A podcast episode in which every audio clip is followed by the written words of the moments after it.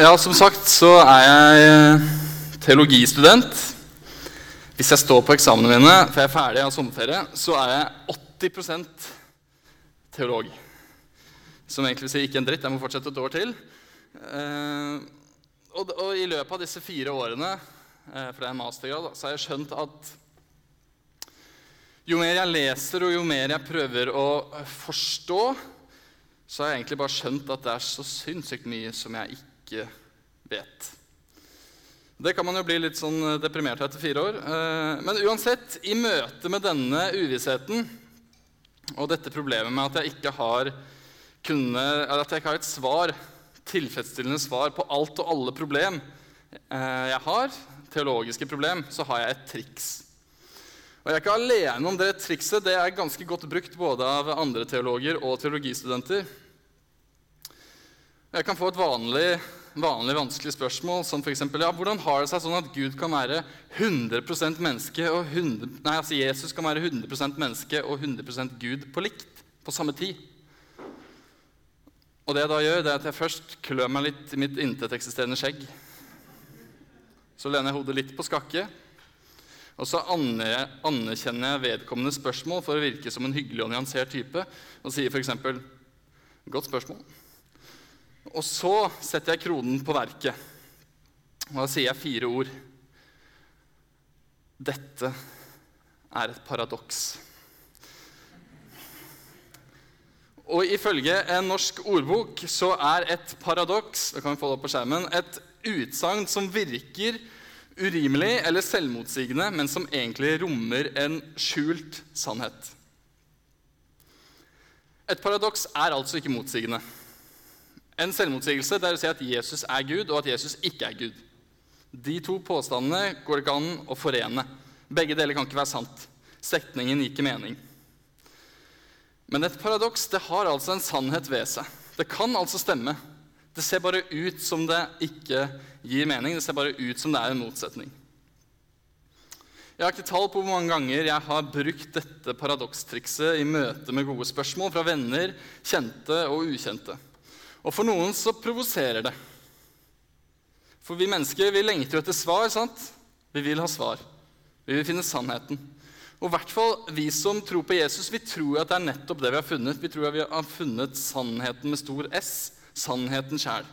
Vi sitter med svaret på hva som gir evig liv. Vi sitter med svaret på hva som gir livet mening for oss her i dag. Men dette betyr ikke at kristendommen har enkle svar på vanskelige spørsmål. Den kristne tro er faktisk full av paradokser. Og Det blir veldig tydelig i den eh, teksten vi skal se på i kveld, teksten om gullkalven i andre Mosebok.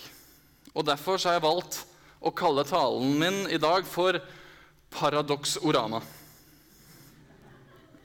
Jeg er litt fornøyd med den. Eh, og I kveld skal jeg fokusere på tre paradokser som dukker opp i teksten, og som er beskrivende for både mennesket og Gud i Det gamle testamentet. Og Jeg tar ikke opp disse paradoksene for å forvirre, for å gjøre ting uklart eller for å være så fryktelig nyansert. Jeg tar det opp fordi jeg tror at disse paradoksene kan vise oss noe som vi kanskje har glemt, eller vise oss noe som vi kanskje aldri har tenkt på. For hva om den eldgamle religionen, kristendommen, har overlevd så lenge og fortsetter å vokse ikke på tross av, men på grunn av de tilsynelatende motsetningene som finnes i den. Hva om kristendommen ikke er sann fordi den gir enkle svar, men av sine paradokser? Jeg tror at den kristne tros kjerne ligger i paradoksene selv, og at det er her vi finner ut hvem vi selv er, og viktigst av alt, det er her vi finner ut hvem Gud er. I kveld skal vi konsentrere oss om israelfolkets tilbedelse av gullkalven og hendelsene i forkant av denne hendelsen, eller av denne tilbedelsen. Og Gud han har steget ned på Sinai-fjellet for å stifte pakt med israelsfolket som venter i bånd. Og Det er en eksklusiv pakt, Det, vil Si at det er, bare Gud og Israel som inngår denne pakten. Det er bare to parter. Samtidig så skal denne pakten være til glede for andre nasjoner. Vi må huske på at Abraham i første Mosebok fikk et løfte om at hans slekt, som da er israelsfolket, skulle velsigne hele jorden. Og dette er måten som Gud skal fikse verden på, måten som Gud skal gjenopprette det som har blitt ødelagt ved Adam og Evas fall i Edens hage. Så selv om pakten er eksklusiv bare mellom Gud og Israel, så har den betydning for alle andre også. Israelittene de er som jeg sa, lokalisert i bånn av Sinai-fjellet, og de får ikke lov til å gå opp til Gud på Sinai-fjellet. Det er bare Moses som får lov til det. Og Moses han mottar bl.a. de ti bud. Og så I kapittel 24 så kommer Moses ned fra fjellet og forteller israelsfolket om de lovene han har fått fra Gud. Og da responderer folket slik. Da svarte de samstemmig Alt Herren har sagt, vil vi gjøre. Så greit. Israel sier seg villig til å følge Guds bud, og det stiftes en pakt. Og Da kalles Moses etter det igjen opp på Sinai-fjellet for å få steintavlene, for å få lovene og for å få budene som Gud skal skrive ned til ham. Og I mellomtida så er det Aron Moses' bror som skal styre sjappa ved bunnen av eh, Sinai-fjellet mens Moses er borte. Og Moses han blir borte i 40 dager og 40 netter. Og alt ser egentlig ut til å bare være fryd og gammen. Men så kommer vi til kapittel 32, som vi skal lese ti vers fra. Da folket så at Moses drøyde med å komme seg ned fra fjellet, samlet de seg om Aron og sa til ham:" Kom og lag en gud til oss som kan gå foran oss. For vi vet ikke hva som har skjedd med denne Moses, mannen som førte oss opp fra Egypt. Aron sa til dem, ta gullringene av ørene på konene, sønnene og døtrene deres, og kom med dem til meg. Da tok hele folket av seg gullringene som de hadde i ørene, og kom til Aron med dem. Han tok imot gullet, formet det med meisel og støpte en kalv. Så ropte de, 'Dette er guden din, Israel, som førte deg opp fra Egypt.' Da Aron så det, bygde han et alter foran kalven og ropte ut, 'I morgen er det fest for Herren.' Dagen etter sto folket tidlig opp og ofret brennoffer og bar fram fredsoffer. De satte seg ned for å spise og drikke, og så begynte de å more seg. Da sa Herren til Moses.: Skynd deg ned, for folket ditt, som du førte opp fra Egypt, har gjort noe forferdelig. De har allerede bøyd av fra den veien jeg påla dem å følge. De har laget seg en støpt kalv, kastet seg ned for den, ofret til den og sagt:" Dette er guden din, Israel, som førte deg opp fra Egypt. Og Herren fortsatte. Jeg har holdt øye med dette folket, og se, det er et stivnakka folk. Bland deg nå ikke inn, for min vrede skal flamme opp mot dem og fortære dem men deg vil jeg gjøre til et stort folk. Altså På ti vers der så, så blir plutselig historien eh, ganske bekmørk. Israel glemmer utrolig fort eh, Gud, og de begynner å tilbe en avgud. Og Det sjukeste av alt er at det er Moses' bror Aron som står i spissen for det hele. Og Gud blir sint, og han har lyst til å gjøre ende på hele israelsfolket. Men så etter disse versene så ber Moses til Gud, og Gud husker på pakten han har gjort med israelsfolket. Han husker på hvem han er. Så han utsletter ikke israelsfolket likevel. Moses han går ned fra Sinai-fjellet og er naturligvis rasende på israelsfolket for det de har gjort, så han pælmer disse steintavlene i bakken og ødelegger dem. Og Så spør han Aron hva som har skjedd, og Aron er utrolig feig og skylder på at folket er ondt. Vi liker gjerne å snakke om legender i vår tid. Eh, jeg bruker selv ordet legende altfor mye, men denne mannen som kommer opp på skjermen nå, det er virkelig en legende i ordets rette forstand. Skiskytterekspert og kommentator Ola Lunde. For en mann! Det som er så unikt med Ola Lunde, er at han står med kikkerten sin på standplass der hvor idrettsutøverne, altså skiskytterne, skyter inn. Og mannen, altså Det er 30 blinker der, og mannen får med seg hva som skjer på hver bidige blink på likt. Han har et helt sinnssykt overblikk. Og så er det jo lite som slår Ola Lundes livekommentering. da. Han har sånn deilig dialekt som jeg skal prøve å unngå å etterligne, for det går skeis. Men går, det, altså, han sier Kant inn høg. Treff låg. Oh, grå bom venstre. Og kanskje kan man si at israelittene skjøt en grå bom venstre. For vi hører jo så ofte at synd, det er å bomme på målet. Og her gjorde jo israelittene nettopp det. De burde tilbedt Gud, men så tilba de heller en avgud. De bomma på målet. Og det er sant at synd kan oversettes med å bomme på målet, men samtidig så er det noe ved dette bildet som er misvisende. For problemet er så mye større enn som så. Det er ikke sånn at et lite vindkast gjør at israelsfolket er uheldige og bommer. Kanskje bommer Israel, men det er fordi de er skiskyttere med bind for øynene. Det første som skjer etter at pakten er inngått, er at israelsfolket bryter de to første budene de får, de to første budene i de ti bud. Israelittene skulle ikke tilbe andre guder, og de skulle ikke lage seg avgudsbilder. Og så gjør de det bare noen titalls dager etter at de har sagt at de skal gjøre alt som Gud har befalt. Og Én ting hadde vært om dette var en engangshendelse, men det er et mønster som gjentar seg gjennom de fire første Mosebøkene. For Gud åpenbarer med lov til israelsfolket, og så feiler israelsfolket. Og så åpenbarer han enda mer lov, og så feiler det igjen. Mønsteret gjentar seg. Og Det er som om historien er designet for å vise oss som leser, at Israel ikke bare roter det til noen ganger. Nei, det er noe som er radikalt feil med israelsfolket. De har ikke sjans til å holde Guds bud og Guds lover. Dette er det første av i alt tre paradoks. Guds utvalgte, Guds, frel jo, Guds frelsesredskap for hele verden, det er selv en del av problemet. Problemløserne er problemet selv. Da jeg var sånn cirka like gammel som jeg var på dette bildet som kommer opp der, så hadde jeg en liten, eller ikke så liten, en vanlig sparegris fra Spydeberg sparebank. Det var egentlig ikke en gris, det var et svært ekorn, og jeg elska det ekornet. Jeg googla meg i hjel og prøvde å finne noe som ligner, men jeg har ikke klart å finne det. Så derfor la jeg heller ved dette trivelige bildet av undertegnede. Men uansett så elsket jeg denne sparebøssen. Det var en magisk følelse å ta opp sparebøssen, kjenne hvor tung den er, riste på den og kjenne alle de 223 kronene som lå der, og som jeg kunne bruke på hva jeg ville. Hele verden lå for mine føtter. Jeg var steinrik.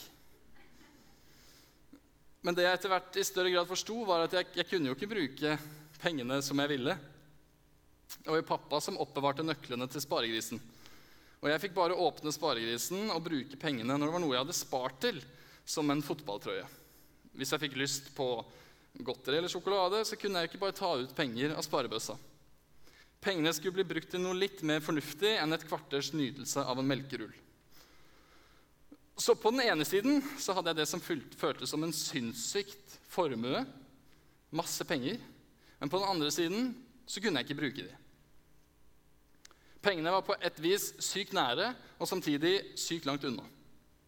Og Det er mulig bildet ikke er all verden, men jeg syns faktisk det treffer rimelig bra på Guds rolle i denne teksten.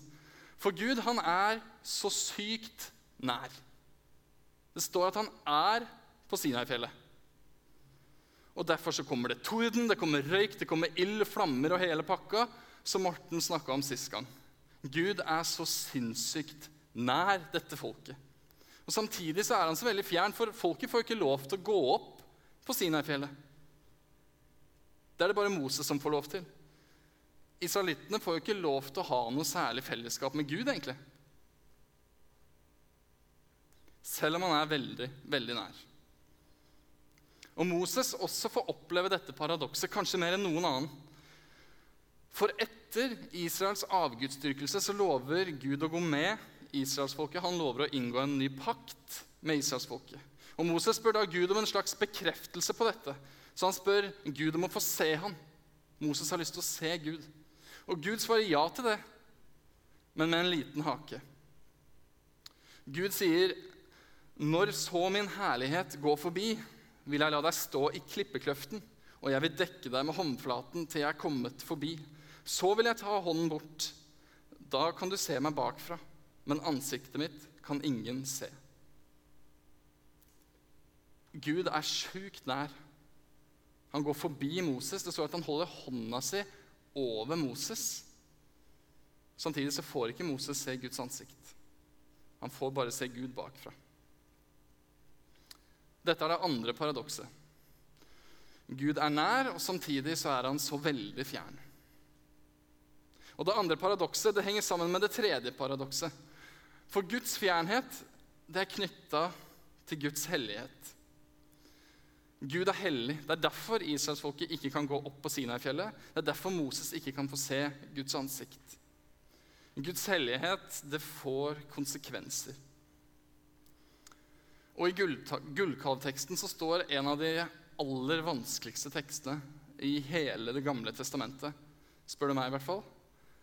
Ehm, for etter at israelsfolket har laget denne gullkalven, så får levittene beskjed av Gud om å spenne på seg et sverd og gå frem og tilbake fra port til port i leiren og slå ned og slå i hjel deres brødre, venner og slektninger. Det er en gjennomført brutal tekst om hvordan Gud straffer synd. Det sies ofte at Gud er hellig og ikke tåler synd. Det er noe vi hører ofte. Og Det er en formulering jeg egentlig trives ganske dårlig med.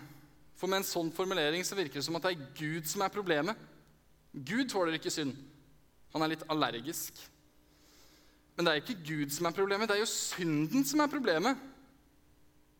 Det er jo vi som er syndere, som ikke tåler den hellige Gud. Bildet som ofte brukes med at Gud er en ild, og at vi er papir, er i så måte mye mer treffende.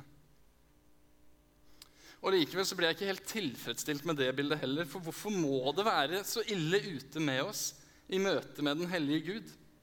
Hvorfor må Gud straffe pga. synd? Og hvorfor ser straffen ut til å være så voldsom noen ganger? Det er fryktelig store spørsmål. Men jeg har likevel lyst til å understreke noe om Guds vrede og Guds straff, som det tross alt står ganske mye om i Bibelen. Jeg tror det er viktig at vi er klar over at Guds vrede det er ikke en egenskap som Gud har, eller en egenskap som Gud besitter, på samme måte som at Gud er god eller kjærlig. Gud er ikke generelt vred eller sint. Hans vrede er alltid en respons på hans rettferdighet og kjærlighet. Det er alltid en respons. Så Gud blir forferdelig vred når mennesker bombes i Jemen, eller når ungdommer skytes på Utøya. For dette er mennesker han elsker. Gud blir ikke vred i stedet for å være kjærlig, men han blir vred fordi han er kjærligheten selv. Så løser jo ikke dette alle problemer. For flere ganger så virker straffen i overkant. Og vi må kjempe med bibeltekstene som vil være vanskelige hele livet. Men dersom synd og urettferdighet ikke straffes, så er ikke Gud en gud det er verdt å tilbe. På den ene siden så er Gud hellig, og Gud blir vred. Men samtidig så er Gud også vanvittig nådig. For Gud velger å stifte en ny pakt med israelittene. Og han tilgir dem. Og han tilgir dem ikke pga. noe israelittene gjør, for israelittene gjør egentlig forbausende lite. De ofrer ikke, de ber ikke om tilgivelse for sine synder. Det er ingenting i teksten som tyder på at israelittene gjør noe for at Gud skal bli mindre vred. Og selv om Moses griper inn, Gud, griper inn og ber til Gud, tilgir ikke Gud først og fremst på grunnlag av Moses' bønn. Nei, Gud tilgir på grunnlag av hvem han er, og på grunnlag av hvem, hva han har lovt. Og Det blir tydelig når Gud sier disse ordene om seg selv i forbindelse med den nye paktstiftelsen. Herren er Herren, en barmhjertig og nådig Gud, sen til vrede og rik på miskunn og sannhet. Han holder fast på sin miskunn i tusen slektsledd og tilgir synd, skyld og lovbrudd. Det er ikke meninga å fornærme bibeloversettere med det jeg skal si nå, men ordet miskunn Hva betyr egentlig ordet miskunn? Du hører aldri folk bruke ordet miskunn annet enn en bibelsk kontekst. Du hører aldri folk bruke det som et adjektiv for å beskrive noen. Ja, Sjukt bra type. Rik på miskunn, han der. Eller ja, det var litt av en miskunnig fyr. Sånn skulle jeg vært. Ingen som sier det noen gang. Kanskje det kommuniserte noe før, men i dag så kommuniserer det ganske dårlig, spør du meg. Det hebraiske ordet som oversettes med miskunn, det er chesed. Og På engelsk så oversettes chesed med 'steadfast love'. Og da begynner vi å nærme oss noe. En stødig kjærlighet, en kjærlighet som ikke lar seg rikke. Det er Noen som har sagt at 'steadfast love' det kan oversettes med nåde. For når alt håp ser ut til å være ute i Det gamle testamentet, da kommer 'steadfast love' inn i bildet. Som i denne teksten. Ofte så får vi presentert Gud eller vi får presentert Gud som at han er streng i Det gamle testamentet, og at han er nådig i det nye. Men det stemmer ikke, for du har en Gud som er vred i Det nye testamentet. Det er bare å lese Johannes' åpenbaring, så finner man ut av det. Og du har også en nådig Gud i Det gamle testamentet. Ja, Gud er faktisk så nådig noen steder i Det gamle testamentet at en del bibelforskere opererer med, med begrepet ulogisk nåde. Gud er ulogisk nådig. Og det er han i vår tekst også. Israel bryter pakten med en eneste gang, og likevel så velger Gud å fortsette med folket. Han kunne valgt et annet folk, han kunne valgt å gjennomføre sin frelse på et annet vis, men han tilgir. Og det samme skjer gjennom hele Det gamle testamentet. Gud tilgir igjen og igjen, selv når israelsfolket vender seg bort fra han og gjør opprør. Det gamle testamentet er full av ulogisk nåde. Det tredje paradokset er at den hellige Gud, som blir vred, er nådig.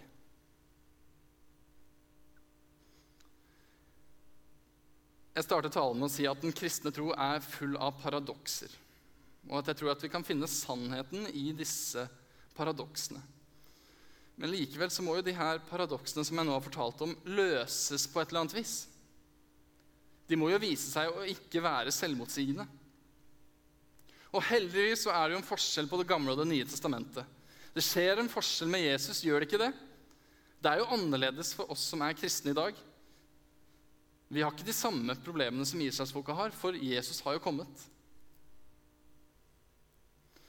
Og Vi har kanskje et ønske om at paradoksene skal være oppløst eller oppfylt, men realiteten er jo ikke slik. Paradoksene de står fremdeles. Til helgen så feirer vi pinse. At Den hellige ånd kommer over alle de som tror på Jesus, og at det gjør noe med oss. Det gjør at vi som er kristne, ikke er slaver under synd, men under nåden. Men er det noe våre daglige erfaringer viser, så er det jo at syndens problem ikke er fiksa. Vi er jo syndere alle mann. Det preger jo livet vårt i dag også. Vi gjør de samme feilene hele tida. Vi setter oss selv først. Vi tenker først og fremst på hva vi selv vil, hva vi har lyst til å gjøre, hva vi har gjort. Alt sirkulerer om oss. Og så kan vi bli utrolig gira på å ta et oppgjør med livene våre etter et godt møte. Men så kommer dagen etter, og så fortsetter vi den samme gamle tralten.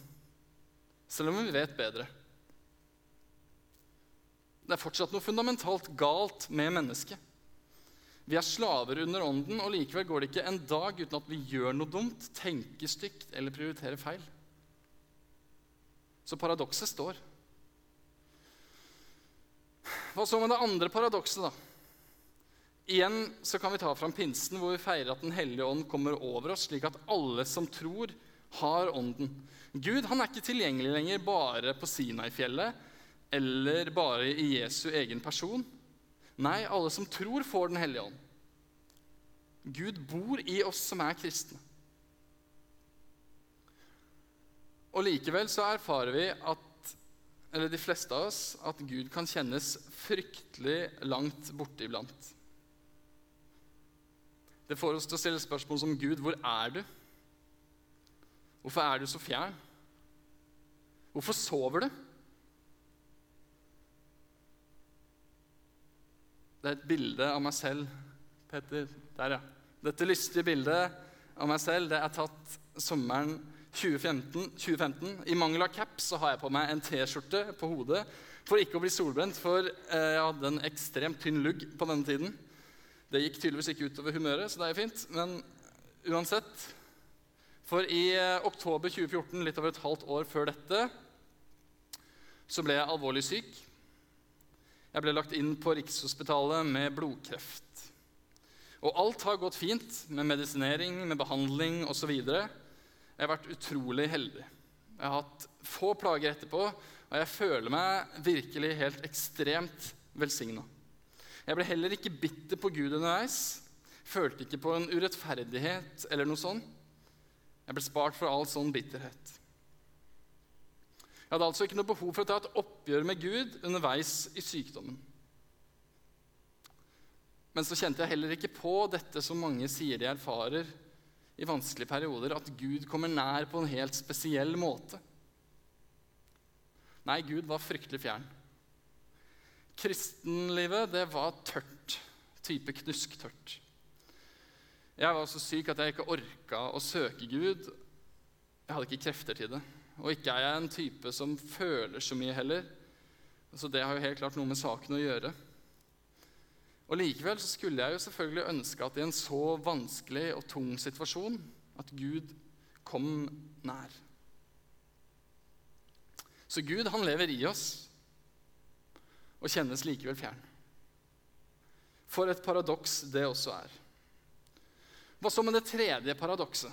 Det må vel være oppløst, for nå lever vi i en tid hvor ingenting er hellig lenger. Vi kan tulle med alt, vi kan gå kledd som vi vil, vi kan til og med ha på lue inn i kirka Forfallet er nært. Guds hellighet det er blitt borte i dagens samfunn. Og Kirka har i større grad vektlagt Guds nåde. Gud er ikke lenger en hellig Gud som blir vred. Nei, Gud er mer en koselig farsfigur. Og Samtidig så veit jeg ikke hvor mye av denne her nåden vi egentlig erfarer, selv om det er mye vektleggelse av nåde i vår tid. Vi vet kanskje hva Jesus har gjort, men preger det livene våre? Nei, vi går og bærer på skam over hvem vi er, over på hva vi har gjort. Vi angrer på ting vi har sagt, og så lar vi det prege hele resten av dagen. Kanskje Gud møter oss med nåde, men det påvirker oss ikke. Vi tar det ikke innover oss. Og noen av oss sitter stadig med en følelse av at vi på jevnlig basis skuffer Gud.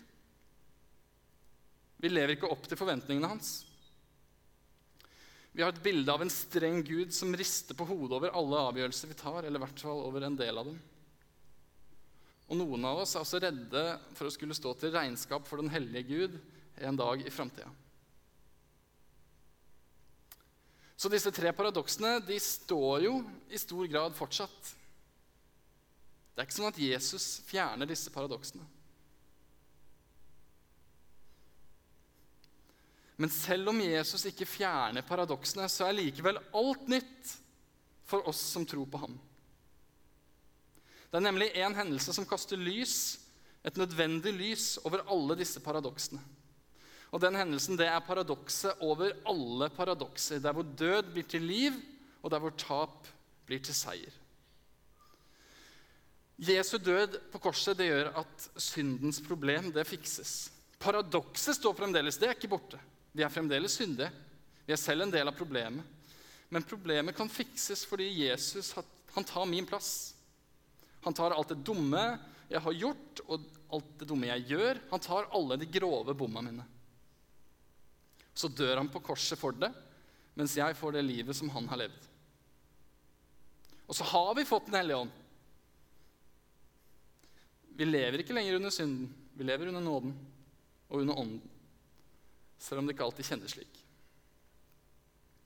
Og Jesu død på korset det viser oss også en Gud som virkelig er nær. En Gud som er så nær at han tar del i våre menneskelige smerter og lidelser. Og Kanskje føler vi det ikke alltid. Kanskje kjennes Gud fjern, men det viktigste er ikke hva vi føler og hva vi kjenner, men hva Gud har gjort. Og Gud har valgt å komme nær og ta del i det som vi frykter aller mest lidelsen og døden. Gud har vist oss hva som virkelig er nærhet, gjennom Jesu lidelse og død på korset. Så er Jesu død på korset også et møte i den hellige og den nådige Gud. Den hellige Gud som krever rettferdighet. Han straffer ondskapen og synden.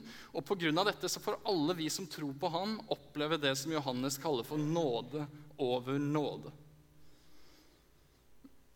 Gud har alltid vært nådig. fra dag én.